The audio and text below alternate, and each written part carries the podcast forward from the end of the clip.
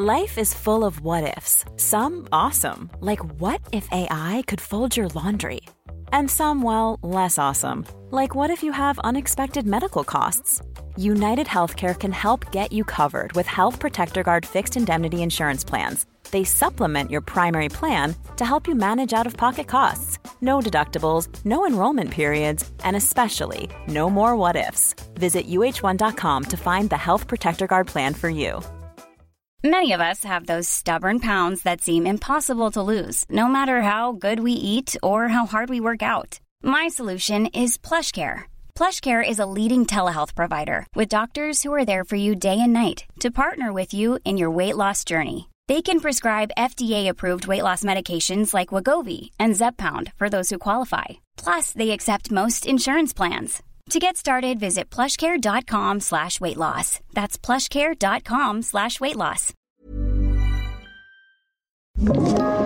Podplay.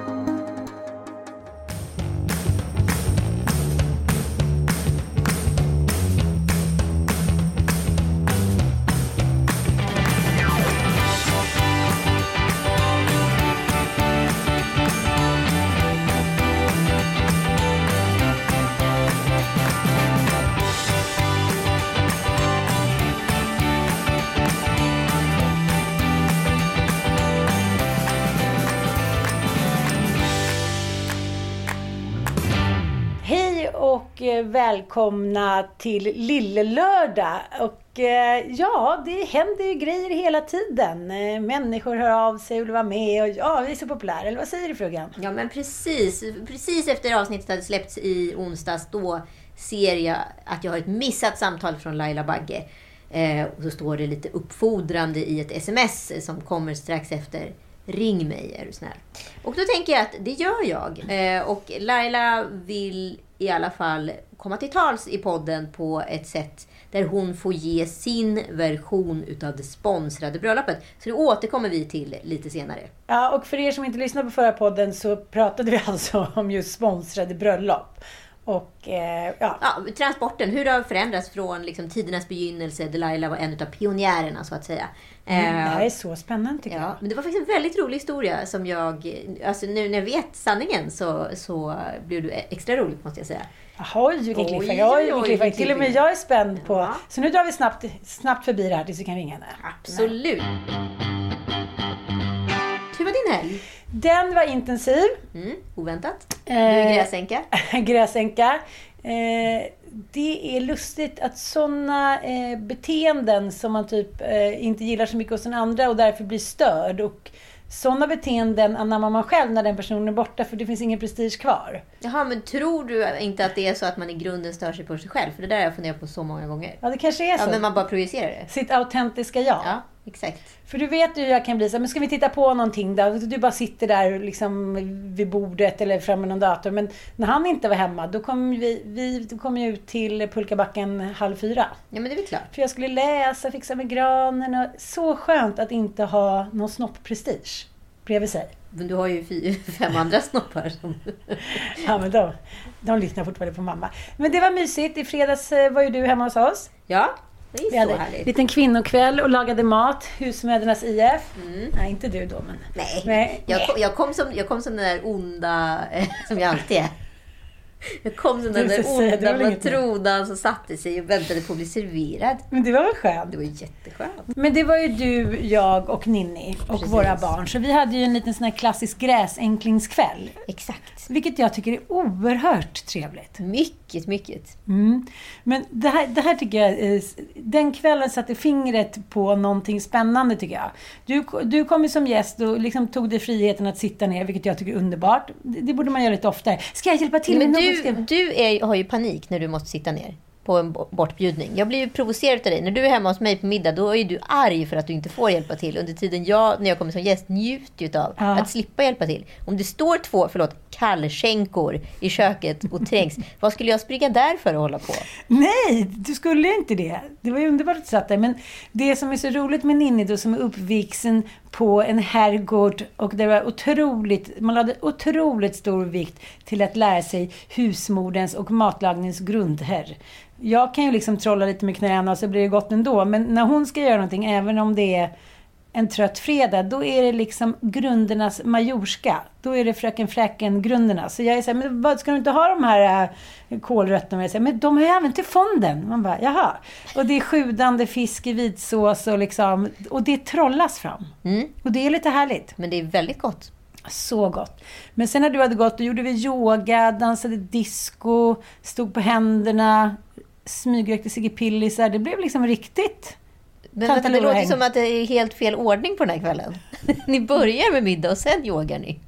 Ja, men, eller vi skulle testa lite. Nej, det blev dansade till... Eh, vänta, eh, vänta, vänta. Är det här en sån här utbrodering som du sysslar med då och då? Att du säger att du läst massa böcker Ja. om Nordkorea, men egentligen kanske ni stod på händerna en gång och gjorde en, en Du solhälsning. känner kylskåpet sönder. Jag stod inte på några händer. Jag dansade mycket vilt till Costa Rica av Benjamin Wahlgren Ingrosso. Jag vill återkomma lite till honom också faktiskt sen. Det var eh, en sak han sa i den här DN-intervjun. Ja, jag läste igår. också den. Jag blev beklämd. Vadå? Nu får du ta det direkt. Men Okej då. Nej men jag tänker, eh, du och jag är uppväxta, kanske inte liksom under så supertraditionella, eh, superharmoniska förhållanden, men jämt. Men det var ju ingen skilsmässa.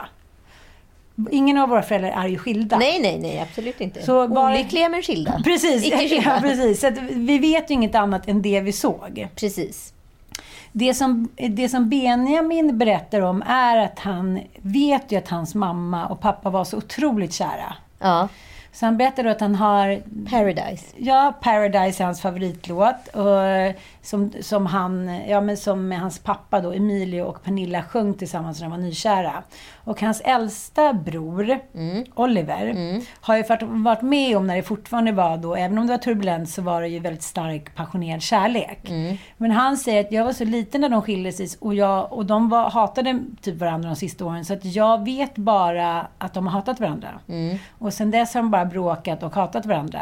Så han försöker liksom på något sätt Benjamin Button Ja, han Ja. försöker med, med hjälp av Paradise bli ta, yngre. ta sig tillbaka till tiden de var förälskade för att hitta kraft i den och skapa egen musik. Precis. Och känna in då eh, lyckan över hur kära de var och hur lyckliga alla var då. Precis. Och vi kommer komma tillbaka till musik lite senare i den här podden, så det var ju en fin liten parentesbrygga här. Ja, jag tyckte bara att det var så Mm, sorgligt. det var lite sorgligt. Då kan man ju aldrig växa upp. Då stannar man ju i Peter Pan-liv. Exakt, och jag träffade på ett Peter Pan-liv här i helgen. Just ja! Ja, nej men det hände en väldigt märklig grej i pulkabacken här på Gärdet.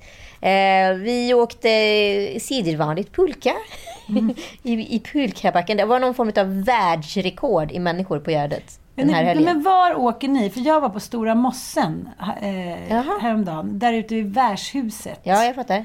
Där var det ju så mycket folk så att jag inte ens tänkt på att man kan åka pulka där. Men det var ju tusentals människor och eldar och eh, det var ju som vi, hade vi nu lever i iglos. Oj! Ja, Det var nej, känslan. ja, men, ja, men hela Gärdet görs ju om till någon form av eh, liksom, vansinnes-snölandspark för vuxna och barn. Det ju, läggs ju långfärdsspår eh, som är vallningsfria. Det byggs eh, gupp. Det byggs, eh, ja, det byggs små längdåknings. snö, läng, längdåkningsspår. Ja. Och sen så eh, är det även pulkabacke då. Och den här pulkabacken har ju tre olika nivåer. Det finns ju svår, lite mindre svår och så ja, lätt. Helt enkelt. Och Ja, det var ju fullt med barn och föräldrar. Det går ju också två föräldrar på varje barn, så att man ser alltid ut som det är mer folk än vad det egentligen är. Men jag tycker själv att det är väldigt roligt att åka pulka. Och, Min familj går ett, en mamma på sex barn. ja, precis. Vi är lite ombytta. Jag drar ner statistiken lite. Ja. Eh, och eh, jag kan ju göra det här på grund av att jag har barn. Jag maskerar ju mitt eget nöje i det här. Du kör på. Ja, jag kör på. Jag åker gärna med bakom. Jag trycker gärna på och springer så att det går extra fort. Sådär, Så att de nästan slår ihjäl sig hela tiden. Det är ändå lite roligt. Ja, det är kul. Ja. Men helt plötsligt så ser jag då, vad ska jag kalla det för? Peter Pan-pojkar. Pojkar i mellanlandet. De som inte har fått barnen, men som fortfarande vill åka pulka. 20-ish. 20 plus. Alla har liksom skäggväxt. Ganska stora i kropparna. Eh, ja, de har uppenbarligen inga flickvänner. Nej. För de hade ju förbjudit dem för länge sedan. Mm. Eh, och då har de med sig varsin pulka i pulkabacken och alla bär också overall. Nej. Jo, vilket gjorde det hela lite äckligare. Och sen åker de då på pulkan genom att stå på pulkan och så ramlar så de nästan slår ihjäl sig och skrattar så de håller på och skrittskrattar. Liksom. Ja. Eh, och det här är ju någonting jag betraktar då med liksom skräckblandad förtjusning. För det finns något lite äckligt i att se... Alltså tänk, titta på Tom Allan som då åker och garvar som håller på att dör. Och så liksom lite snett parera liksom blicken till vänster och se en så här fjunig eller skäggig man som skrittskrattar lika mycket som han. Också i overall, fast några storlekar större. Du visste inte hur du skulle bete dig. Skulle du se på dem som dina egna söner eller som dina framtida älskare? Ja men eller hur! Det blev, något, blev ett riktigt, det blev så jävla äckligt. Ja, jag, jag fattar. Ja, jag vet precis känslan. Det är lite som när man kommer in och de sitter och badar. Man vet inte så här, ska man, man tänker att det är ens pojkar, men man ser att det är inga pojkar som sitter och badar. Och, Det är män. Ja, och ingen vet inte, man, ska, man, ska de hålla för eller ska de... Ja, ja, jag, jag, åh, jag förstår precis känslan. Uh. Men jag tycker det är så... Det är svårt med män. Det är som när Mattias kom hem efter sin fem dagars i fjällen. Då sa jag så här, men vad har ni gjort på kvällar? Så här, ja, vad har ni liksom snackat? Har ni varit ut- liksom så här, Men någonting. Nej, det är efter, efter, enligt den traditionsenliga mönstret att alla får en eh, sån här Irish coffee och sen spelade vi gubbpoker. Ja. Jo, jag fattar, men sen, det är lite som att män har eh, liksom en viss ålder och sen när de har gått över den, då om det inte är någon kvinna där, då gör de det som de gjorde förra året. Ja, eller som de gjorde som tonåringar. Minus Irish coffee. Ja, men, Utvecklingskurvan hos män är ju väldigt mycket lägre än men vad den den är hos kvinnor. rak. Den är spikrak. Den går liksom upp flat, snabbt. Flatline. ja, den går upp snabbt och sen blir det så här, ditt, ditt, och sen går den ner. Ja. Nej, men alltså, varför, ingen, jo, jag försökte säga till så här, jaha, men ja, nej. Det, det är det jag menar. Det som händer liksom på en liten kvinnofest är att det är inget konstigt om man så här, står och dansar med barn. Eller liksom, ja, men det kan hända lite crazy grejer som inte behöver göra med att det är liksom på galenskapsnivå. Men det, det vrider och vänder på sig under en kväll. Absolut. absolut. Ja, men jag, blev, jag hamnade i någon som form av så här, är det här okej eller är det inte? Men de har aldrig varit lyckligare. Nej, de har aldrig varit lyckliga och jag blev också någonstans så här fnittrig för att jag är, ju, jag är ju samma person som de är egentligen. Det är bara att jag kan kamouflera min lycka med hjälp av mina barn. Jag fattar. Jag är ju alltid den som njuter mest av att vara på nöjesfält och mycket av det som du... Jag försökte liksom fara lite efter att så här, ja mina barn tycker det är så roligt att åka skidor men egentligen är det mamma som tycker att det är Ja, kul att åka skidor. Alltså, för att vi är ju Ja. alla förvuxna barn. Mm. Ni ska Mer- väl med i år igen? mer eller mindre. Ja, Men, jag fattar. men eh, vi har liksom som vuxna tvingats att skriva om reglerna för att anpassa oss till det normativa i samhället. Och de bröt normerna. Och därför blev jag liksom äcklad. Fast jag inte borde blivit det. Jag fattar, men jag, jag tror att mycket handlar om, vi pratade om det där häromdagen, jag eh, spydde ut min galla över One Piecen. Ja. Fast bara på vuxna. På barn undrar jag så här, varför finns den inte för alltid? För Bobbe har någon sån här fleecedräkt som man bara... Och sen är det klart. Och för första gången har Frasse gått med på att ha en eh, overall. Och han bara går ut där och sätter på sig den och sen är det klart. Och sen glider han omkring med det. Ingenting råkar upp eller ner hit och dit. Men jag kommer ihåg när jag ser två, um, eh, en killkompis och en tjejkompis som var 40 plus redan då när det begav sig och går omkring, det var en sommarkväll eh, på Gotland, jag ska inte säga något närmare, hand i hand i varsin One Piece. Då tänkte jag så här, nej men nu, nu måste jag kräkas. Nej, men det var lite som du säger, så här, är de vuxna, är de barn, ska man blöja dem? Ja, ska precis. Är, det mam, är det mamsen? Ja, precis. Eller Och så det- overall-grejen. Uppe i Dalarna nu var det många som gick, så här, killar som gick i overall. Då. Och jag bara, gud, det är en jättebebis på vägen. Det är en jättebebis på vägen. Och de som bodde där skrattade. så, Men det är ju, de, man har ju overall. Jaha, jag, jag tycker att det är så här, var en man eller mus, var inte en be- jättebebis bara. Ja, det kanske är så enkelt. Ja, jag tror det. Bort med overallerna. För om du och jag och till exempel Klara och Ninni hade gått ut där och gjort en eftermiddag, då hade ju alla bara garvat och tyckt att vi var roliga. Det tror jag inte att de hade tyckt att vi var tantalorer. Men hade vi suttit packade på krogen, då blir det liksom... Ja, det är bara en känsla i ens kropp. Fast vi hade inte fått få ha såna overaller. Totalförbjudet. Apropå ungt och gammalt så skrev Expressen ånyo en liten glad premiumartikel om kända kvinnor som har yngre män. Och jag, förlåt, jag, nu kan Men hur kan det där fortfarande vara en grej? Hur många gånger kan man använda samma ljud? Men det måste ju uppenbarligen funka eftersom Ja. de återpublicerar typ ungefär samma artiklar. För att de får ju klick på det. Ja, ja. Eh, och eh, Men det är ju ingen spänning längre. För tio år sedan var det ju lite spännande. Oh, ja. Jaha, ja men ja, men Maria Lundqvist när hon var ihop med sin yngling. Det är i och för sig fortfarande spännande. Men det var ju en spann, spinnvedd spannvidd på typ 36 år. Så att det, Ja, men det säger ju någonting om min barnslighet i alla fall. Jag är ju barnslig, så att det är inte så konstigt att jag har en väldigt mycket yngre kille. Men skitsamma, däremot så har jag ju fortfarande inte sett vinkeln varför yngre killar väljer äldre kvinnor. Vilket jag tycker är väldigt mycket mer intressant. För att det måste ju finnas en orsak. ja, eh, den är, har man, den är kanske inte samma... Den är säkert samma klickmagnet, men männen som ofta sitter och redigerar ju och lägger ut jobb på gammelmedia, de tycker ju såklart inte att det är spännande. Varför skulle inte det vara spännande? Ja, men de tycker ju inte det, för att de tycker, de vill ju känna Men det där låter som fram- årtusendets omskrivning. Det är ju kvinnliga journalister som skriver de här artiklarna. Ja, men det är inte de som lägger ut dem. Nej, men okej. ja. Ja, nej, det var bara en tanke tänkte jag. Det var bara en tanke att så här, snubbar tänker, gud vad härligt att den där möjligheten också finns för mig, att jag ska få en fräsig ung brud fast jag är en gubbröv. Fast jag börjar tänka att så här, den där fräsiga unga tjejen, är inte det liksom årtusendets största myt? Typ som att killar och tjejer är kåtare än tjejer. Att Förstår du? killar och tjejer är kåtare än tjejer. Nej, nej, att killar är kåtare än tjejer. För det finns ju, både du och jag säger det, att vet ju ingen, vad heter det, kvinna som inte är kåtare än sin Nej. sambo. Nej. Alltså det är alltid snubbarna som säger nej och alltid tjejerna som blir besvikna. Ja. Alltså det är ju den största myten någonsin, att det är killarna som vill mer än tjejer. Det är verkligen den största myten. Ja. Sen kanske det är så upp till en viss ålder, men det är bara för att tjejer eh, liksom är mer osäkra på sig själva. De är minst lika kåta. Jag tror inte att det där finns någon jävla skillnad. Nej, och därför tänker jag att så här, den största jävla myten det handlar ju om att, så här, att bara äldre tjejer som vill ha yngre killar. Jag tänker att det är så här, det finns ju en uppenbar USP varför yngre killar vill ha äldre tjejer. Ja, Ja, för att vi är hetare och roligare. Såklart. Ja, Inte så osäkra. Precis. Men, men det, nu när allting, liksom, lite när alla ser ungefär lika gamla ut, från typ 20 till 60, Ja. då är ju inte heller det lika spännande. Förstår du vad jag menar? Då blir det inte så här runkig gammal tant eh, träffar liksom 17-årig kille. Men jag tänker, vad, vad hette han? Vad heter han den där killen, musikerkillen som var med i Mellon? Som var 17 och träffade... eh, ja, precis. Eh, Han träffade ju en 47-årig tjej. Ja, precis. Men när, när det blir så ungt, då tycker jag åt båda hållen att jag känner lite så här, nej men nu blev det för ungt. Nu blev det mamma och son eller pappa och dotter. Det, det har jag svårt för.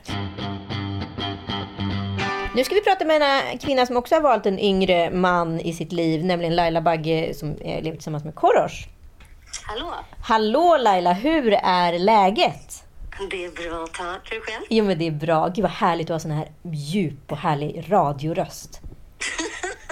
Alltså, det tycker du? Ja, det tycker jag faktiskt. Och sen kom det där skrattet. Ja, Tjalala! Tjena! Tjena! Är du där också? Jag fick också vara med i sängen. Mm, Vad fjärta trevligt. sen. Ja, Du hur mår med, vad heter det? Vasaloppet. desto bättre precis. Men du, du, hade, du lyssnade på vår förra podd och hade lite, alltså du hade ju väldigt rolig information. Jag vet ju inte ens om den här är känd, så jag tycker att du ska berätta sanningen om ditt så kallade sponsrade bröllop som vi kallar det för. Ja, men alltså det där är, jag är så jävla trött på det. För att det där blev en sanning på grund av att min bror var så jävla idiotisk.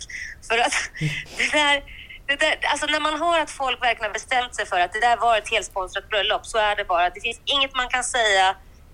För det var bara lika bra att hålla klaffen och bara låta alla tro det. Även om jag sagt vid flera tillfällen att det var inte sponsrat utan det som hände var att vi sålde bildrättigheterna till Expressen.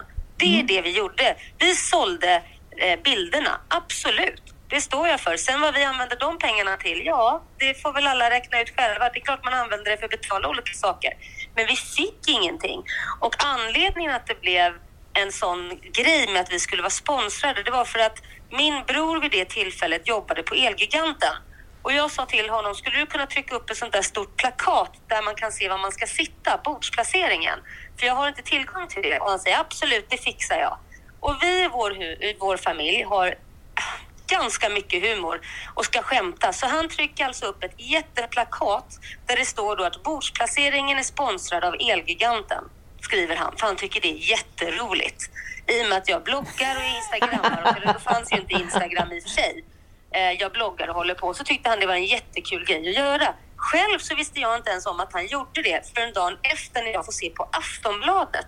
Att de då, för den här sattes ju upp när man kom in, eh, där alla skulle veta var de skulle sätta sig. Så när dörrarna öppnas in där man ska gå in och sätta sig, eh, eller där man kommer in i entrén menar jag, eh, så, så eh, har ju då eh, Aftonbladet sett detta och tagit bilder på detta.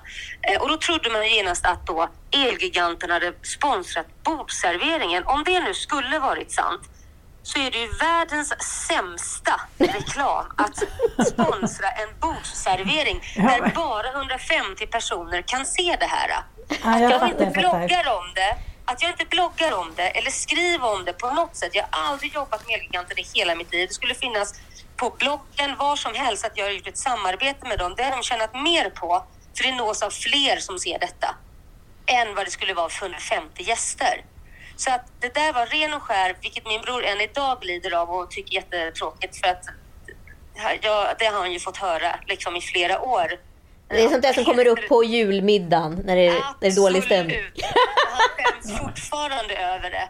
Eh, så att det har inte varit någon direkt som varit intresserad av att höra hans version av det heller. Så han fick ju ringa om ursäkt till sin chef också.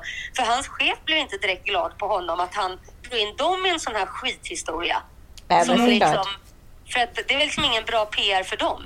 Och vadå, bord och stolar? Sen när skaffade Elgiganten bord och stolar? Ja, men vadå, Var det inte lite mer så här, att man då trodde att Elgiganten sponsrade hela bröllopet? Och det skulle man göra på en bordsplacering. Det var ju bra. Alltså tänk efter. Nej, men Det finns betydligt bättre sätt att göra det på då. Det vet väl vi alla som jobbar med det här. Då gör man ju i så fall på i bloggen eller något sånt där. Eller att man Absolut. gör något annat. Alltså göra det på en bordsplats. Att bara synas där, det är ju urusel reklam. Ja, det är väldigt dålig. Och, eh, men, men jag tror att det är så här, när en sån grej också eh, sprids såklart. Ja, men du vet ju ringa på vattnet. Sen blev det jättespännande Ja, oh, och så ja. blev det liksom hela bröllopet och eh, man, Oh, man fick ja. med sig grejer från Elgiganten hem, gick och snackade sen och Ja, det bla. fick man inte. Nej. Man fick, alltså det man fick, det var man fick en påse. Det var, det var en grej som vi tyckte var kul. För man, folk vet ju att man jobbar ihop och man får alltid när man går på röda mattan liksom sån här uh, goodiebag. Och då tyckte vi det är klart vi ska ge en goodiebag till alla gästerna. Och vi plockade ner allt möjligt där som vi kunde liksom komma och som vi tyckte var roligt. Så det var ju mer ett skämt från, det var ju ingen som sponsrade det där. Det enda som jag fick som en bröllopsgåva, det var tårtan och blommorna som jag höll i. Ja, och det Det är, men, som sagt, det är inget konstigt idag att bröllop är sponsrade. Men det har liksom haft, haft böljat och mottagits olika genom i historien. Idag är vi ju mycket mer ac- acceptanta för sociala medier och eh, sponsrade liksom, eh, situationer och samman, sammanhang. Det här var ju begynnelsen. Till en helt annan fråga Laila, när jag ändå har det på tråden. För vi har ett annat Ja. ämne den här veckan. Vi pratar om eh, den här Expressen-artikeln som kom ut igår. Och nio att eh, eh, kändiskvinnorna som eh, valt yngre pojkvänner. Jag är så jävla trött på den här vinkeln. Varför, är det inte, varför ställer man aldrig frågan tvärtom? Varför ställer man inte frågan varför unga killar väljer att ha äldre flickvänner? Ja, det kan man ju fråga sig. Varför ställer man frågan överhuvudtaget? Varför ställer man inte frågan till män som har yngre flickvänner? Hur, hur, varför har ni yngre flickvänner? Nej, det är Ja. aldrig någon som har ställt. Och, och det betyder också att det är aldrig någon man som någonsin har frågasatt det där. Och en kompis till mig är gravid och eh, hon är 44 och hon sa så här, men jag tänkte gud vad ska folk tycka och sådär. Jag bara va? Men så tänkte jag på dig. Jag bara, men gud vad bra. Alltså att vi kvinnor ska alltid ta på oss vad den handlar om. Blir vi gravida? Blir vi för gamla? Har vi, vi gamla hit och dit? Men om någon bara någon gång skulle ställa den här frågan till någon man, då skulle ju det här också plinga in i deras samvete. Så jag är också jävligt trött på det där. Och eh, det är som sagt, det är ju ingen som... Eh, det är ju den perfekta matchen eftersom vi pratar om att snubbar lägger av sig ganska tidigt. Eh, sen blir de liksom bara en plan kurva medan vi liksom gasar. Så jag Ja, tycker är eh, frågan är relevant att ställa till män. Och eh, det, det finns så många också hitte, liksom, hittepå förklaringar. Och, ja, men då känner de att de snart ska dö och då måste vara en yngre brud och hit och dit. Och det är för att tjejer ställer krav och bla bla bla. Det bara är så här. Man, man blir ihop med, man blir kär i den man blir kär Jag i. trodde det var Lailas Ja, det är Laila, intervju. Jag bara undrar vad som Jag som har hände. valt... i- Ja, Nej, nej, men absolut. Det är ju så. Alltså man tänker ju inte på... Jag tänker aldrig så. Jag tänker mer på att den man blir kär i blir man ju kär i. Punkt slut. Precis. Så är det ju bara.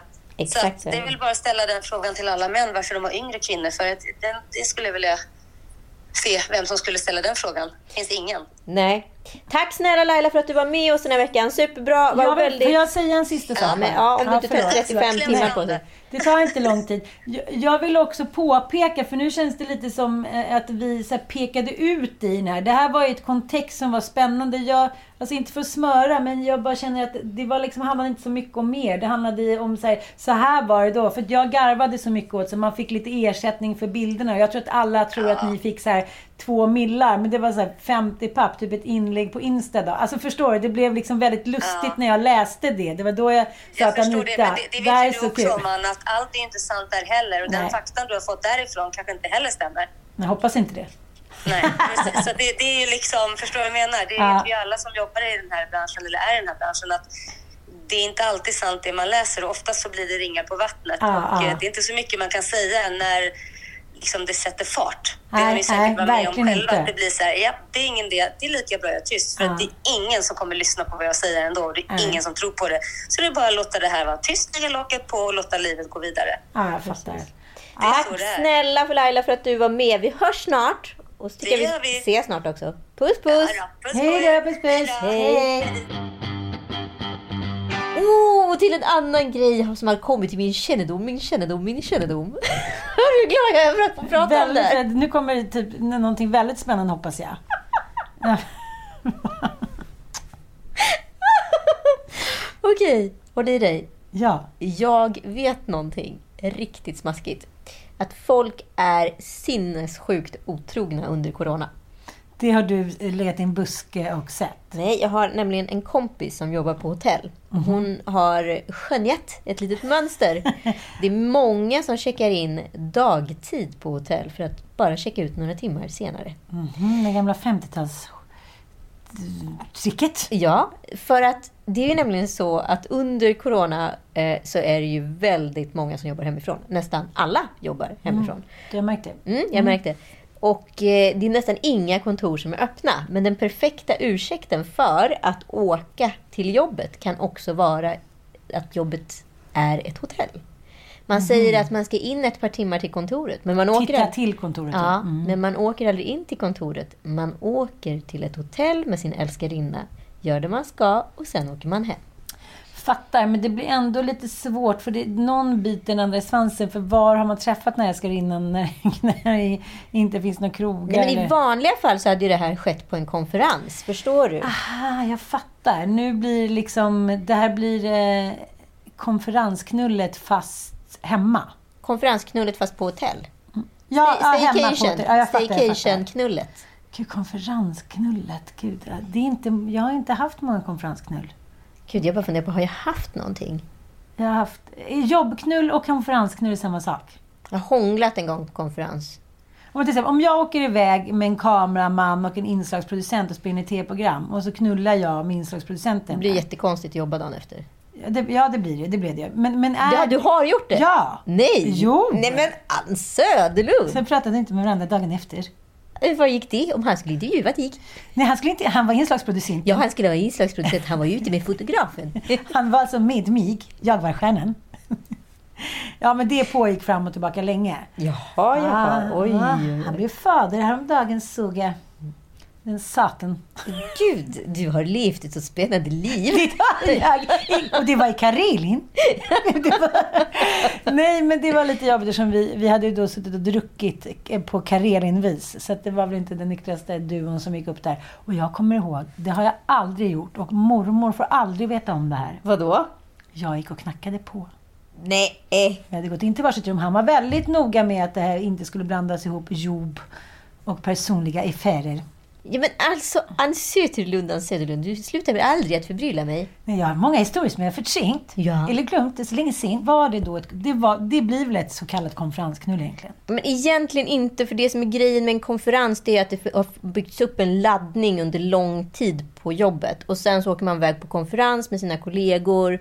Eh, på, från en vad är det, torsdag till fredag och så vidare. Och så där så liksom kom med lite alkohol i kroppen och kanske ett dansgolv. Där kommer de här energierna ut och sen går man, landar man samma hotellrum för att sen så smyga över till sin egen. Silja Line. Ja, alltså verkligen Ja, Silja där har Line. jag gjort en gång. Nej men. Söderlund. Vet du, är promiskuös lilla Inte av med matrona. cowboybootsen, kommer jag ihåg. men Det gick. Gick ändå. Gick ju då. Nej, men alltså, om ni tänker på att du har benen fast i ett par byxor eller ett par cowboyboots. Jaha, vänta. Du hade kjol. Jag tror det. Något hade jag. Men, ja, men jag kommer ihåg att det var lite problem det där. Så det var lite sidan, Ja, ja. jag ser nog framför mig krulliga håret. Det låter som du har haft sex med mig. Nej, han var så lång. Han var flera meter hög. Kan inte vara du. Det var två du. Du var så tokig och blyger. Du var under en kappa. Ja, nej, men vad tror du då? Tror du att folk är... Alltså för min kompis då, som jobbar på hotell, hon säger ju att eh, folk är sinnessjukt mycket otrogna. Wow! På något sätt känner jag så här, det kanske är bra. Tror du det?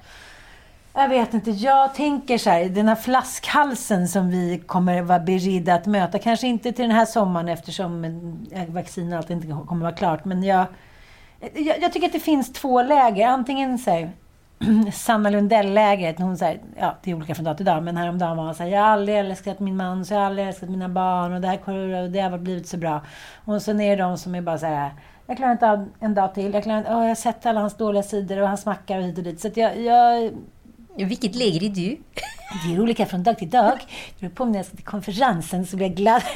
Nej, men, men just nu... eh, Det går väldigt mycket upp och ner. Men i lördag slängde jag ut mina barn. Alltså rent fysiskt? Ja, jag ringde en taxi till dem. Det var ett snällt släng. Ja, men du vet att de ska åka hem på torsdagen och de får väl vara kvar en extra dag. Men sen så har man bokat då städerska och jag gör inte det särskilt ofta längre. Eh, och det är, det, ja, det är bara så. Så att då kommer hon och då ska hon då smyga runt. Ja, men det går ju inte. Nej, det är bara elakt. Men det fattar de. Men hon kan gå in, ja, om jag går ut tio minuter kan hon gå in och, och ingen går upp och klockan är så här. Och jag sa, tänk dig själv din in- integritet om du ska gå hem och städa hos någon eller göra ett jobb. Så sitter, ligger alla olika sängar så man vågar knappast öppna dörren och man står och dammsuger sig. Upp, upp, upp! Ja, till slut, men det tog ju ett tag. Så då slängde jag faktiskt bokstavligen ut dem. Trollen. Men sen var jag tvungen att rea tillbaka den ena för han var tvungen att vara barnvakt på kvällen så det blev lite knixigt. Så att, förresten, du kan stanna en liten stund. Nej, men det, är- det är båda och. Men, men jag, jag känner att jag står väldigt nära alla barnen efter det här året. Fint. Då eh, kommer vi till dagens, eh, vad ska man säga, punkt. Eh, lilla punkt. Generationsklyftorna, som du redan varit inne på. Med unga män i skägg som ska åka omkring. Som har ska, förtäckt själ. Men jag tror inte att de här killarna som åkte pulka i och för sig tänkte så här, undrar om det kommer att vara damer där i 40 plusårsåldern som tycker att, vi är, att det blir obehagligt när vi ska vara pojkar, fast vi är män. Nej, men de, har nog, de är nog 100% obrydda om Ja. mig. Det är snarare jag som var brydd över dem. Men jag blir väldigt förvirrad av den här unga, unga generationen unga. Alltså de som är från 10 till 15. De är ju någonstans där inte vi var när vi var 10 till 15. Ja. Jag hörde om en kompis som berättade att eh, en pojke i klassen hade liksom bru- alltså brutit ihop inför hela klassen för han kunde inte besluta sig om ett skolval. Alltså hade det hänt en pojke i, i min klass när jag var i den åldern, då hade ju den fått ett suddgummi i huvudet och alla hade skrikit bög. Så hade det ju sett ut. Liksom. Nej men alltså, det, det var väl någonting som man så här, hade i ryggraden. Att så här, man visade inte känslor inför en större grupp. Man kunde göra bort sig en gång eller liksom tappa ansiktet. Jag eh, blev ju retad i skolan när jag flyttade från Jönköping till Stockholm, till Farsta. Var tuffaste killen i klassen för då min småländska dialekt, som jag inte alls tyckte att jag hade. Men till slut så blev vi också placerade bredvid varandra av Ann Fjestad, min brunbrända solarielärare. Och eh, när han retade mig en gång för mycket i klassen, då var jag tvungen att markera. Så då klappade jag ju ner honom. Och då menar jag en knock ner på golvet. Då dök han inte upp. Det gjorde han. Och den skammen för honom, att han dels hade blivit liksom eh, nedslagen av tjejen som han försökte så här, mobba till typ tystnad. Ja. Och sen dels att jag inför alla, du vet han... eh, Det tog lång tid innan han återhämtade sig. Han fick Sen all... träffades ni på en konferens och låg.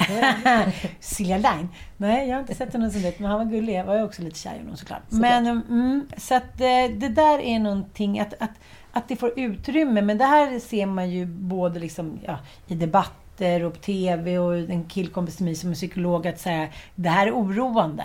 För att alla dessa stora känslor då, unga tjejer och killar som kommer in på psyket för att de vill dö, för att någon har dumpat dem hit och dit. Det är ju känslor som vi måste tampas med Visst. dagligen, som vi inte kan åka till psyket. Där ska de som mår riktigt dåligt vara. Vi för, det, vår generation föräldrar har inte förberett nästa generation ungdomar och barn för att ibland så är det lite motigt i det här jävla livet. Men de springer runt med hjärtat i handen hela tiden. Liksom, Penny i hennes klass har redan haft något uppror mot någon lärare som de så här, tyckte mindre om. Alltså det är ju speciellt. Ja, Det är ju speciellt. Vem fan kom på att man skulle göra ett uppror? Det mest uppvigliga jag gjorde liksom, på högstadiet, jag var ju i och för sig ett jävla as på högstadiet, men det mest uppvigliga jag liksom, så här, fick min klass att hänga med på utav all skit jag höll på med, eh, det var ju att vi skulle protestera så vi fick hålla på fem milen och skolkade alltså från en lektion. så jävla snällt ändå! och då vägrade vi gå på SO för vi ville kolla på fem milen för vi tyckte att det hängde ihop. Varje dag skulle jag skicka liksom 50 000 röda rosor till lärarna i Sverige. De har fan inte lätt. Nej. Jag, det var någon sån där, kände jag, liksom paradigmskifte när man gick från, här, när man började sjuan, åttan där i Kvickentorpsskolan, eh, Sveriges sämsta högstadieskola. Innan dess hade jag inte liksom sagt flaska. Eh, jag fick ju också en lavett av Barbro eh, 65 när jag bodde i Jönköping och jag masserade med Kristoffer som jag var lite kär i. Mycket, mycket, med, kär- mycket med kärlek och det- sex och hetta. Men har det inte Det var- mycket med förvirrade känslor? Man liksom inte, de här killarna som man inte tyckte om, de var man ändå tvungen att fundera på. Men de är, kanske är lite förtjust. Ja, jag vet. Man bara, alltså, det var helt förvirrat där inne i burken. Man bara, nej men du kanske Nu gick du behöver snabbt, värdera honom. Du galopperade snabbt på dina små korta ben vidare från min lavett som du inte alls verkar ha känt. Nej, men alltså, kände du ens den? Ja, det, alltså, det var ju en riktig... Vet, Var du chockad? Var det någonting? nej, men helt chockad. Jag var ju hennes favoritelev. Ja, och då måste det vara fruktansvärt. Ja, men du vet så här, oförtjänt höga betyg och hit och dit. Och sen och så bara... får du en lavett. Nej, för att hon, du vet, den, liksom, den gamla tidens lärarinna, den som nu är utdöd liksom. Eh, som var så här, ja men själv hade gått i småskolan där det var liksom smäll på fingrarna Ja, och bla bla bla. Och att jag gjorde den här grimasen till henne som hon trodde när jag skulle grimasera, jag skulle aldrig våga grimasera den. Jag tror bara att den kom liksom bara per automatik. Dish! Ja, det är ju typ enda gången i mitt liv som... Jag blivit utburen i öronen en gång. När jag gick i småskolan utav Gun. Utburen i öronen. Ja men du vet när de lyfter så här hårt så att man säger aj, aj, aj, aj, får springa på tå hela vägen ut. 40-tals efterkrigstidens öronlyft. Och det mest chockerande Gun hade, hon var ju också väldigt solariebränd, alltid permanentat hår. Hon var väldigt fixad för att vara på denna småort Garphyttan som jag växte upp i. Vi åkte till simhuset inne i Örebro och simmade och hon hade sexiga underkläder. Det var alltså någonting jag inte hade sett på någon kvinna någonsin i min närhet. Av alla kvinnor du hade sett. Ja men man, då, Nej, man var ju med sina Ja. kompisars morsor etc. Liksom, och det var alltid sloggy-trosor. Liksom. Mm. Och någon gång var det någon som var så radikal som hade sloggy tanga. Det vill säga det var själva li, det här strecket då när det var liksom en delning som man inte packade in höften. Utan man Så är det Brasilien, Anita, så är det Brasilien. blottade höften. Men det var fortfarande hela liksom, rena bomullstrosor fram och bak. Och här var det någon som kom med svart spets. Och liksom där trosorna också gick på halva stjärten. Du vet, det här var ju så chockerande. Gunsan. Gunsan levererade. Helt plötsligt fick man liksom en är utav vem Gunsan egentligen var innanför den här lärarinneklädseln. Att Wow. hon hade ett vilt och spännande liv som ingen annan i Garphyttan kanske hade. Men här tycker jag, här är eh, liksom skiljelinjen, eller här är hela det fundamentala skillnaden på vår uppväxt. Jag visste inte vad mina föräldrar höll på med. Nej. Jag visste inte, de visste inte vad jag höll på med, tack gode gud. Eh, Här sitter man och pratar liksom känslor vid frukostbordet med sina Nej, småttisar. Ja, och liksom de vill vara med en, man vet mycket om dem, de vet mycket om en. Igår så sa jag så till, till en av mina söner när han skulle, eh, ville sova kvar, så jag sa, vet du, du kanske inte tänker på det, men nu kanske vi också vill vara lite själva en kväll och hitta på något och ligga med varandra och sånt där. Du vet, skulle min mamma ha sagt det att hon och Cher skulle gå. Du vet, jag hade ju bara begått harikiri och liksom... Nej men det hade inte gått. Man, vuxna var vuxna och barn var barn. Och ibland kan jag känna så här...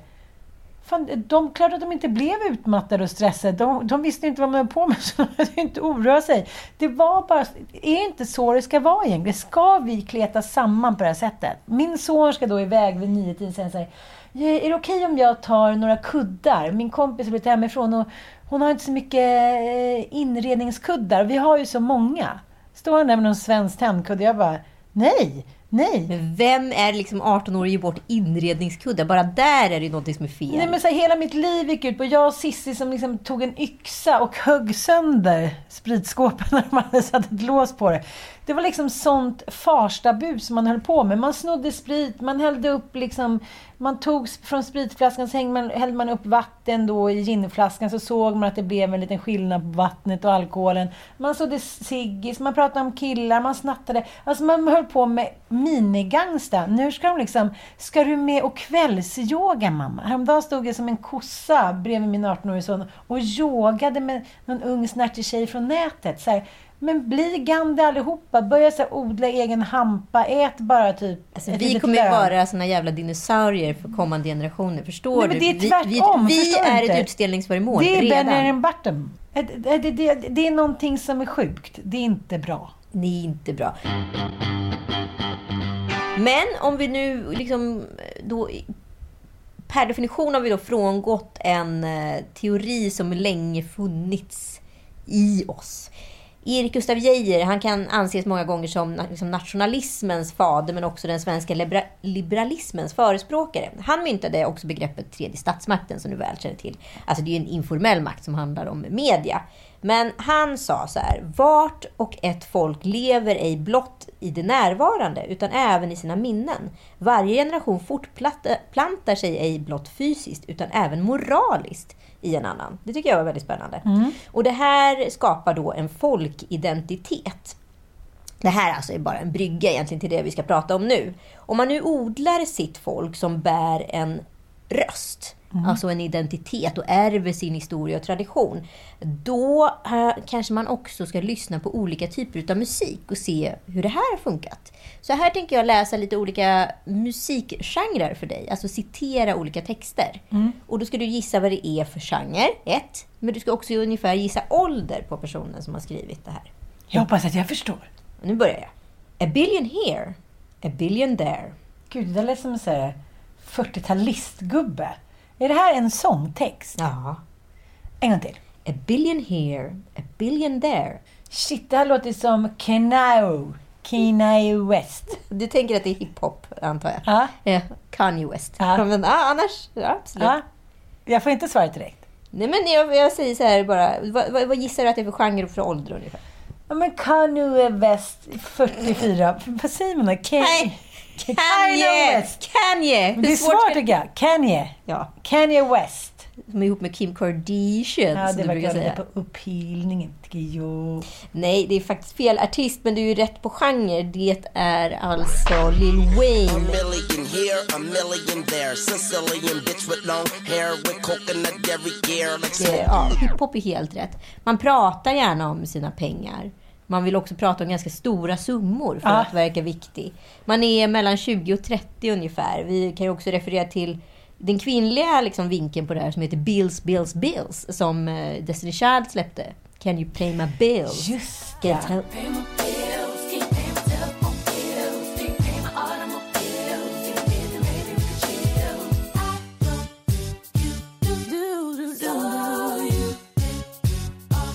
Den skulle ju aldrig komma ut idag.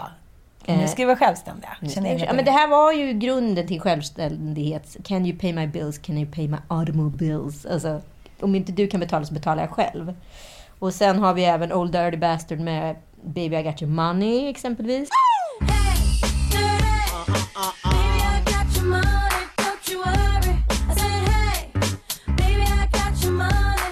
Alltså det är mycket inom den här pengagenren när det kommer till hiphop som handlar om ekonomi på ett eller annat sätt.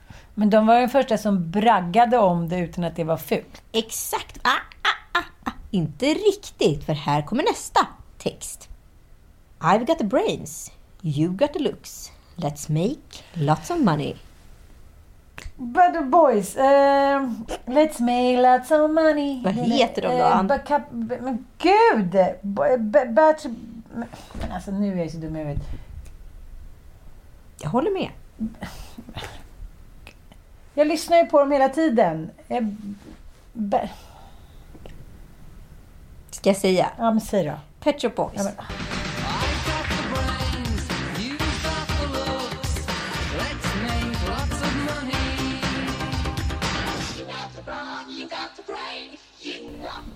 den måste jag ändå få rätt för.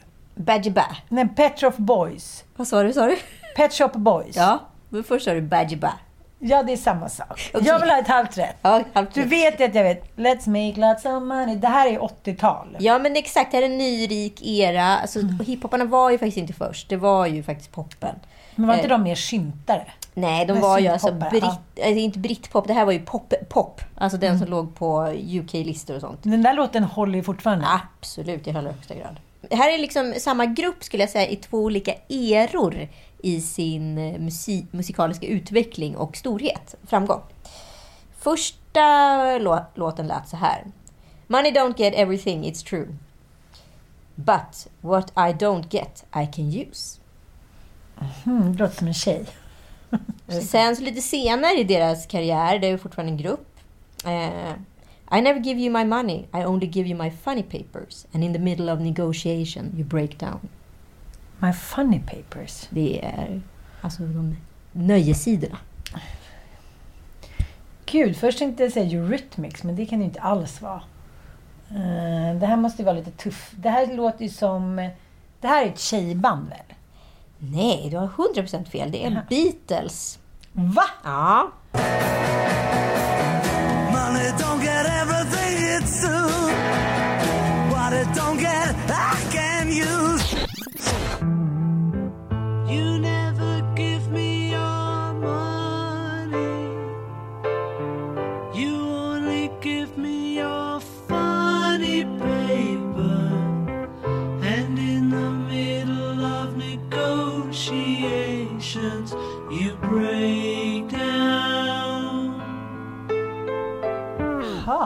Funny paper lät ju kul. Det lät ju modernt. Så det är två olika eror i den här gruppens liv. Det vill säga innan pengar och efter pengar. Spännande. Spännande. Ett, av, ett rätt av tre. Ja, nu blir det lite spännande här. Ska vi se här. Well, I got a job and I try to put my money away, but I got debts and no honest man can pay. Nu låter det som en blues-sångerska typ. Så här Marilyn Monroe. Alltså jag menar inte att hon var blues-sångerska, men så här Billie Holiday. Ja, men det kanske är lite mer i en, vad ska jag säga, en arbetarklassgenre här. Här pratar man helt plötsligt om skulder och inte tillgången till pengar. Madonna. Nej, Bruce Springsteen, Atlantic City. Well, I got a job and tried to put my money away, but I got debts that no honest man can pay, so I okej, okej. Ja, och det här är ju en rena rockgenre som också är sprungen från någon form av arbetarrörelse. Dolly Parton. Ja, precis. Ja, nu har vi eh, några kvar här som jag drar lite snabbt här. Tommy used to work on the docks. Union been on strike. He's down on his luck. It's tough. So tough. Tommy is the one... Nej, det är inte. Men det där är väl Madonna? Whoa, we're halfway there. Whoa, living on a prayer. Jaha, live med Belinda Carlisle. Nej men snälla. Du är ju... Du är Ja, ju Madonna, jag sa Madonna. ja. Nej, men det är ju John Bon Jovi. Bon Jovi. Men Living har- on a prayer. Just det, De lever på bön. De har liksom inga pengar alls.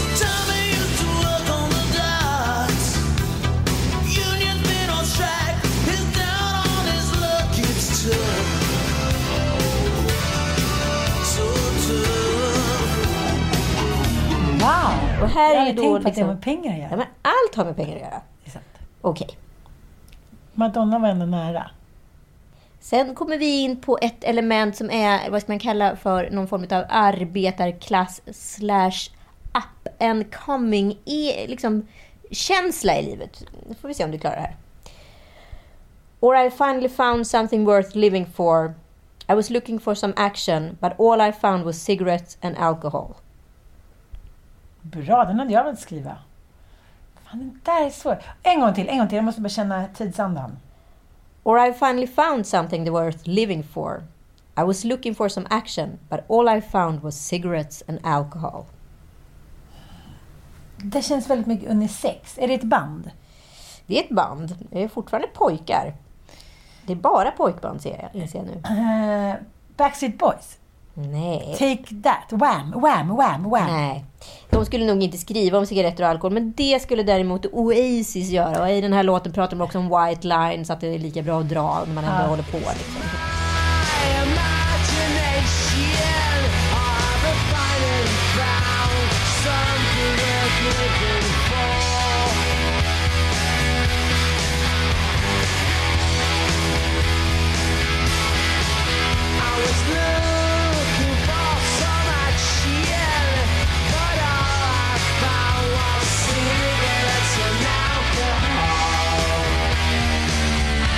Alltså, I britpopens liksom stegrande karriär så handlar det också om att bränna det mesta man tjänar på just eh, White och white lines. Sista låten, den här kanske du kan ta. Även om jag sitter på kåken idag får ni hålla med om att det var inte hit jag ville. Nej, jag vill ta ett jobb på första bästa ställe. Läderfåtölj och egen telefon. Jag tänker på Ulf Lundell, men det är bara för att vi har pratat så mycket om. Men det är mer så Stefan Sundström, typ. Ja, det är ju rätt genre, det skulle jag säga. Eh, vilka finns det mer? Cornelis. Eh, men, men det- är lite mer nutid.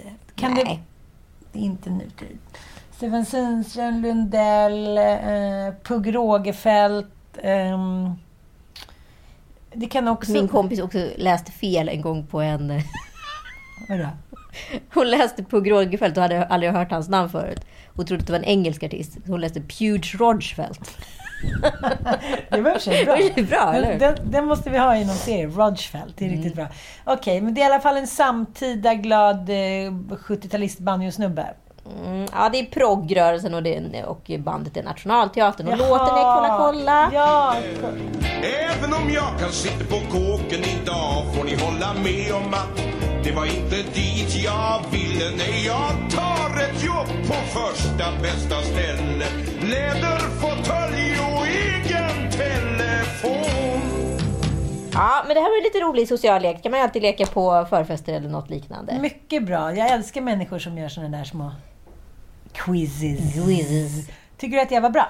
Eh, jag tror du fick ett halvt rätt. Nej, ett och ett halvt fick jag väl. För vad då? Madonna. Nej, men det var ju inte Madonna, det var ju Bon Jovi.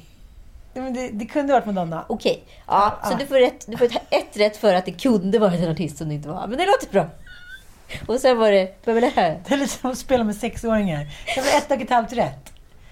Ja, Ja, jag läste någon här quote på eh, Agneta Sjödins eh, Instagram. Så jag tänkte så här, det här, det här quotet skulle ju kunna passa mig och typ, eller snarare, det här skulle kunna passa Penny. Everything will be okay in the end. If it's not, it's not the end. Det är lite så som att spela spel med dig. Så du kommer ju ändå vinna till slut. Ja, det var väl allt för den här veckan, fru Sötrilund. jag var ett trevligt samtal med dig, fru Snussis. Okej, vad fint. Ja. Nej, det tycker jag var en rolig, det var en rolig stund. Det var högt och lågt och Bagge ringde och... Nu trappar vatten för att fylla ut tiden. Det är lite som när man inte klarar av att hantera en tystnad. Man babblar på. Mm. Ja. Det är en väldigt jobbig känsla tycker jag. Då vet man också att det håller på att ta slut. Men inte mellan oss. Utan vi fortsätter som vanligt. Och eh, tack för att ni har lyssnat. Det sa hon som pratade mest. Ha det bra. Puss och kram. Puss och kram.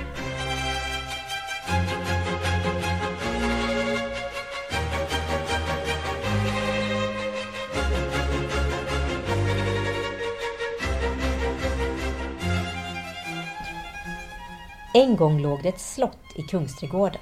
Palatset Makalösa. Vi är ju mitt i svensk stormaktstid. Och det som händer 1634 är ju att vi får en ny regeringsform. Med det så kommer ju ämbetsverken att förläggas till huvudstaden och Stadsholmen. Och staden kommer ju också att utvidgas.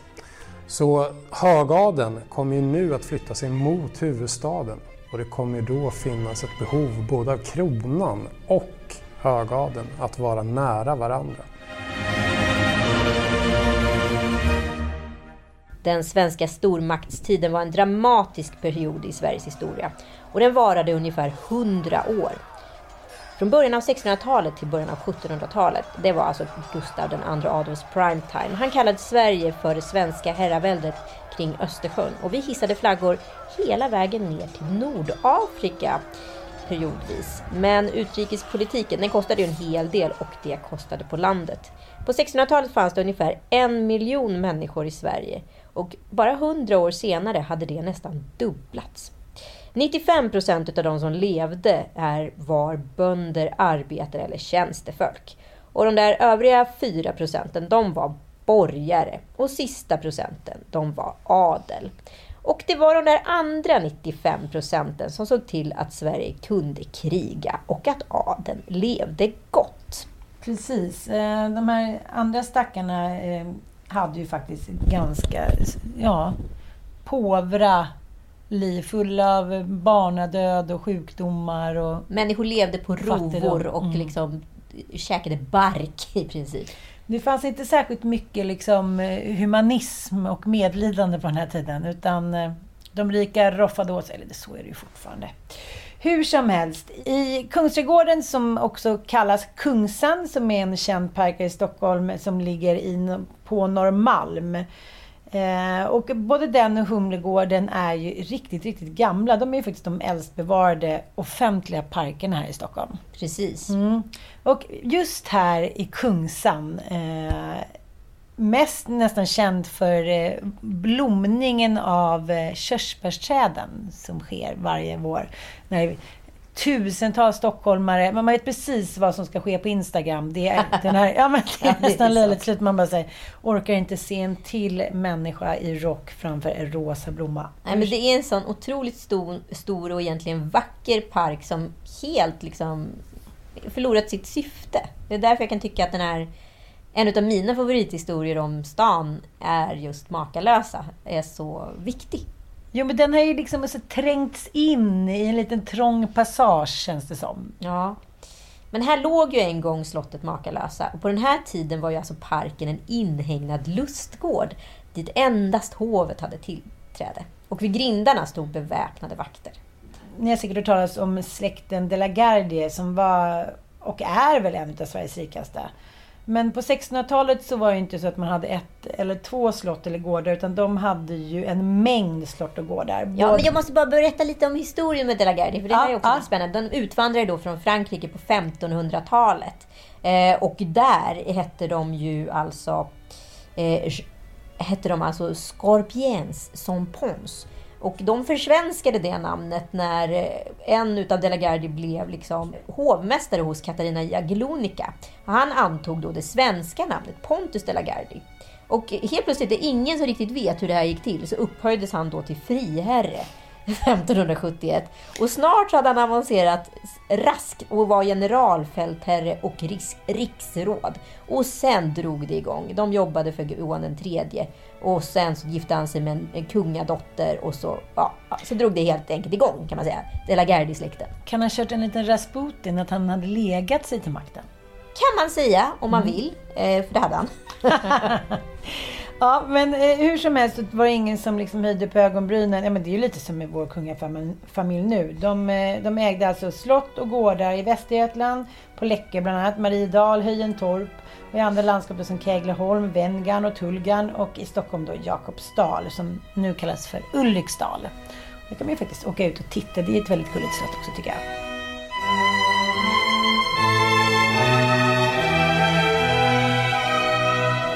Och de var ju alla de här slotten väldigt påkostade, praktfulla och goda exempel på sin tids högre ståndsmiljöer.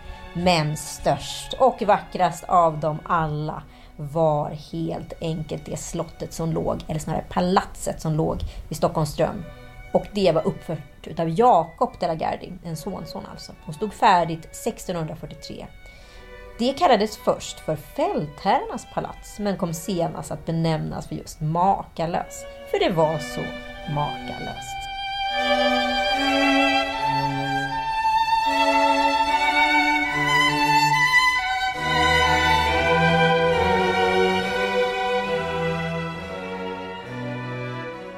Om vi ska bara berätta lite om Jakob de la Gardie så föddes han i Reval. Vet du vad det är för något ställe? Nej, ingen aning. Det är nuvarande Tallinn. Nej, Bra namn ju! Reval. Ja, Reval. Och han var då son till Pontus de la Gardie och hans hustru Sofia Johansdotter som då före detta Gyllenhielm. Det här tycker jag är så spännande. Hon var då, som man brukar säga, en bastard. Ja, Hon exakt. var då illegitim dotter till Johan tredje. Jag vet, men hon fick ju inte bara... Alltså, alla hade ju små liksom, sladdrisar hitan och ditan. Men det, så var det ju bara. Ja, ja, ja. Det, det, det, liksom, det fick man ju bara leva med. Men mamman då, hon eh, avled som många andra kvinnor på den här tiden i barnsäng när Jakob föddes som tredje barnet utav, i syskonskaran. Då. Och pappan då, Pontus, drunknade 1585 i närheten av Narva. Och sen så hade han bara kvar sin syster Brita och brorsan Johan. Han var ju då en tidig militärsnubbe, så han gjorde militärtjänst och redan när han var 18 så var han med i försvaret av Volmar mot polackerna, men blev tagen till fånga. Mycket spännande. Sen eh, blev han i alla fall frisläppt och begav sig till Nederländerna. Och, ja, men, han, han, han var väldigt intresserad av den så kallade krigskonsten. Så, så, så kom han hem till Sverige 1609 och fick ta befälet över de trupper som Karl XI då skickade. Då hjälpte man ju varandra lite mer över gränserna. Han fick då... Ja, då skickade liksom den svenska kungen lite stöd till tsar Vasiljev den 11 av Ryssland. Och det kallas då för det Delagardieska fälttåget. Ja, han lyckades bra i alla fall. Så att eh, när han kom hem så skulle han få sig en liten makalös belöning. Det här makalösa slottet, det låg ju precis vid strömmen där. Men förstår du hur Stockholms stadsby hade sett ut om det låg kvar där? Det hade varit helt Mm, annorlunda. Men det måste alltså ha legat, kan det ha legat typ vid Grand Hotel eller? Nej, det ligger alltså... Tänk dig där Kungsträdgården slutar. Alltså om du skulle ha Café Opera på din... Om du står liksom med ryggen mot NK, om man säger så. Skulle du ha Café Opera på din högra sida. Så precis vid Aha. Strömmen. Mm. Och sen så gick Slottsparken hela vägen bort då, dit Kungsträdgården börjar idag. Och det var alltså in, en inhägnad park som bara hovet hade tillgång till. Och hur Wow. såg det ut då, Ann? Ja, eh, det var fem våningar högt. Det är ganska stort, ja. Ja, och eh, högst upp så fanns ett eh, lusthus. Såklart. Jaha. Eh, och det här som jag tycker är så jävla fint. Koppartak med fyra torn. Så var det en trappa. Men gud, förstår du? Det var en trappa ner till vattnet då. Ja, men det är ju väl en trappa där vid Strömmen? Stämmer inte det? Jo, men det är när man ska gå ner. Alltså, det är bara en liten trappa som man kan liksom gå ner och börja gå mot Gamla stan. Här var det väl förmodligen då då fanns det ju ingen asfalt eller sten. Då var det förmodligen bara gräs och sen kunde man då ta trappan ner till sjön. Typ. Ja, till båtarna. Ja. Eh, och sen var det massa portaler prydda med kanoner i sten och skulpturer och massa dekorativa, alltså klassisk stenhuggarkonst. Och sen lite festsal och dans och musikvåning. Mm. Och vid trappan så var det hotfulla lejonhuvuden som gapade tyst i rytande uttryck. Mm. Mycket Och, fint. ja, och de här lejon, alltså det här är ju också roligt för alla de här lejonen från den här tiden ser ju ganska knasiga ut. Det här, det här är min bästa historia. Om lejonet på Gripsholms slott. Har du koll på det? Nej. Ja, men alltså, Gripsholms slott, de fick någon form av lejon skickat till sig. Det kallas för leo idag. Eh, utav, det var liksom en gåva eh, från Algeriet till Fredrik den första. Och det här lejonet kom då fraktat till Sverige, men då var det helt rött, ruttet, för det hade ju dött under frakt. Och när de då skulle stoppa, stoppa upp det här hade de ju ingen aning om hur ett lejon såg Nej, ut. Så det är ju världens skevaste ögon. så man trodde ju under lång tid då att lejon såg ut på det där sättet. Så om du kollar på så gamla lejon från den här tiden, då ser de ju inte riktigt ut som lejon, de ser ut som något annat. Man hade Gud, ingen aning om hur ett Nej, det lejon var såg inga ut. referenser såklart. Nej, jätteroligt.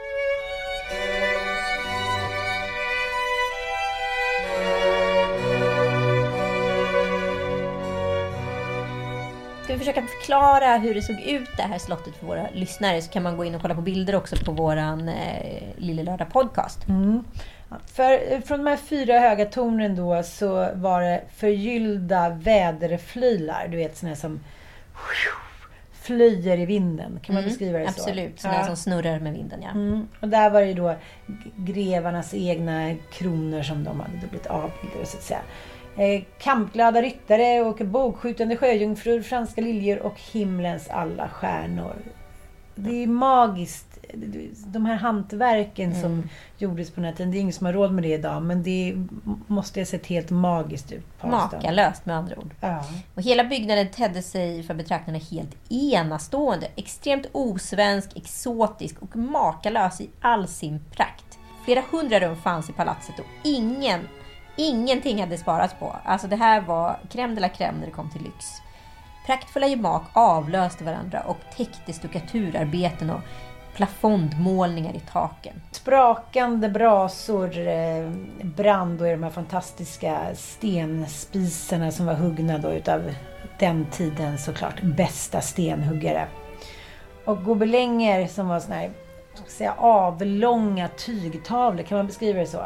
Ehm, Prydde då väggarna, där var det konst av kungar och krigshärvar. Krigs, ja, men gamla krigsslag då som var målade. På golven stod de tunga möblerna i tidens då klassiska barockstil. Då stod ju eh, möblerna längs väggarna. Ja precis, för alla skulle kolla på när eh, ja, de rika umgicks helt enkelt. Här bodde då Jakob och hans familj i bottenvåningen. Förr i tiden bodde man alltid på bottenvåningen på grund av eh, rädslan och risken för eldsvådor. Och det tycker jag är jävligt roligt när man också går i Gamla stan så är det alltid väldigt små fönster högst upp. Mm. Det som idag är finast att bo på vindsvåning och sådär. För där bodde ju ja, men tjänstefolket. Precis. Och började det brinna så dog ju de inne. Då var det inte många som byggde så. Ja, och över bottenvåningen de bodde så låg festsalen. Sen kom dans och musikvåningen. Och eh, på fjärde och femte planet låg förrådssalar och rustkammare. Ja, och naturligtvis så fanns det också gästrum och bostäder för palatset hundratals tjänare.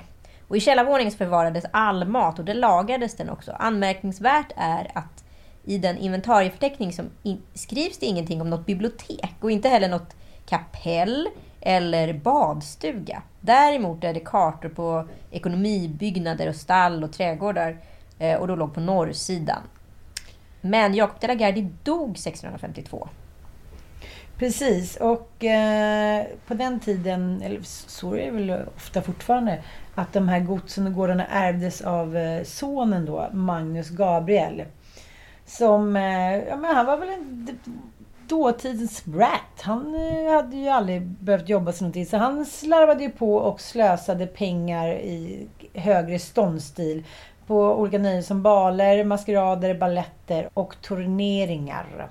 Ja, och det är kanske inte så konstigt heller, för har man liksom fri tillgång på eh, statens krona som bara tickar in i kassan så kanske man inte heller behöver tänka så mycket på konsekvenser. Precis. Men hans intresse för byggenskap, konst och litteratur kostade honom stora summor, men hans eh, ja, inkomster var tydligen ansenliga nog så det räckte. Sen var det alltså slut på heydays, för år 1684 kom katastrofen. Precis. Då var det så här, då kom det en annan kung, nämligen Karl den XI.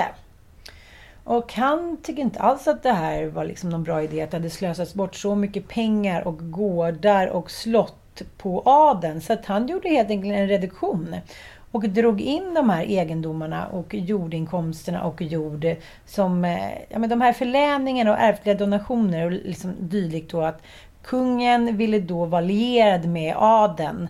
Så gav då liksom hej vilt bort jag menar, hundratusen, alltså hundratals och tusentals byggnader och slott för att då ja men, kunna hova in deras liksom, ska man säga, goda vilja och röster om det blev då krig eller om någon annan försökte ta sig genom stats... Det, det Men alla jätte- de här eh, godsen hade ju också ganska mycket mark kopplade till sig, så det fanns ju ett jordbruk som kunde vara inkomstbringande när det kom till skatter också. Precis. Och nu gick liksom allting till familjen de la Gardie i princip, eftersom de hade så jävla många slott. Precis. Så att eh, den här stackars Jakob blev av med i stort sett allting om inte Ja. jag missminner mig. Exakt, utom Vengarn. Och där dog han också två år senare efter den här reduktionen. Han blev så chockad Exakt. över att han inte fick... Eh, Det var inget kul att leva längre. nej, men det var ju liksom... Det var ju inte fräscht, ur det uttrycket, hur kungarna liksom gav bort. Och sen kunde de ha egna då påhittade donationsbrev då, där de påstod att de hade ärvt då den här gården. Det fanns ingen riktig kontroll under den här tiden. Nej. förklarliga skäl. Ja. Ja, men så kronan övertog då alltså Makalösa som efter några år förvandlades till arsenal. Och där kom liksom armévapen att förvaras för mer än hundra år. Alltså helt sjukt att det bara var ett stort jävla lager. Det liksom glömdes bort. Ja, men sen bestämde Gustav III att han skulle restaurera den här gamla byggnaden och bygga om den till en teater. Men när han dog så fördröjdes liksom själva ombyggnationen. Precis. Men några år senare så tog man tag i den här renoveringen av Makalösa och då bytte man namn på slottet till Nya Dramatiska Teatern. Ja, Och det var ju som den tidens Dramaten. Där uppfördes ju jättemånga av dåtidens så här, men spännande och pjäser, man ska säga. ja precis. Alltså det här var ju Dramaten. Alltså Ja, förlagen ja, till ja. Dramaten som senare... Jag förstår, ett slott som var Dramaten. Men fan vad coolt. Ja. Men år 1825 så hände någonting under en pågående föreställning. Någon kände röklukt på scenen. Ridån sänktes hastigt och en skådespelare trädde fram och manade publiken att utrymma salen i god ordning. Och eh, enligt eh, många vittnen då så blev det här ingen panik utan det här skedde under ganska ordnade former men ändå så var det tre stycken eh, i publiken som dog, ja, brändes Ja. inne. Det är ganska intressant för enligt gammal sed så skulle ju alltså kungen tjänstgöra som högsta brandbefäl vid eldsvådor i Stockholm. Vilket är helt sinnessjukt för övrigt. Det är så tänkt att Carl Gustaf skulle rycka ut hela tiden. Här kommer jag med en liten tut, tut, tut, tut. Ja, men gud, men Ja, så- för att de skulle ha en Så man ser ju liksom mycket bilder på då hur eh, kung Karl den 14 Johan kämpar i röken och elden när makalösa brann. Det här var slottet Makalös sista föreställning. Och vilken föreställning det var. Men det hjälpte inte. Hela den anrika byggnaden, alltså den förstördes till grunden. Och de spillror som var kvar, det fick byggmästaren i uppdrag att jämna med marken. Och en del liksom sotade stenskulpturer tog man tillvara på och murades först in i så privathus men hamnade så småningom på museer. Och det går faktiskt att se några av de här stommarna idag på Stockholms stadsmuseum som ligger vid Slussen. Liksom, var det någon som eh, fick skulden för hela den här branden? Nej, det var aldrig någon som fick skulden för Alltså, man får inte glömma bort att det var ju fortfarande byggnader som ljussattes med levande ljus. Så att det här liksom, att skit brann, det vet vi ju. Vi har ju liksom halva Stockholms slott brann ju ner utav den typen av misstag. Eh, Röda Kvarn, alltså det hände ju grejer där hela tiden. Så att, eh, ja, vi kan väl säga att ett och annat hus har brunnit ner med hjälp av stearinljus. Precis. Det är så sorgligt att det gick heller inte att rädda för enligt den gamla principen så tog det ju ganska lång tid innan själva gardet som skulle släcka elden kom. Och sen, man hade ju inte, man stod väl med hinkar bäst man kunde liksom. Ja, det är klart att det skulle kunna, inte skulle kunna gå att rädda. Men det är ju en sorglig historia. Men eh, det finns faktiskt en skalenlig modell utav palatset på Stockholms stadsmuseum. Och det kan faktiskt vara värt att ta en sväng förbi. Eh, och få liksom ett liten liksom glimt på vad det här palatset såg ut som. Makalösa var namnet. Mm, häftigt. Och sorgligt. Jag vill ha ett slott. Me too. Tack för att ni lyssnat på veckans Lilla Lördag Stories. Vi hörs om en vecka.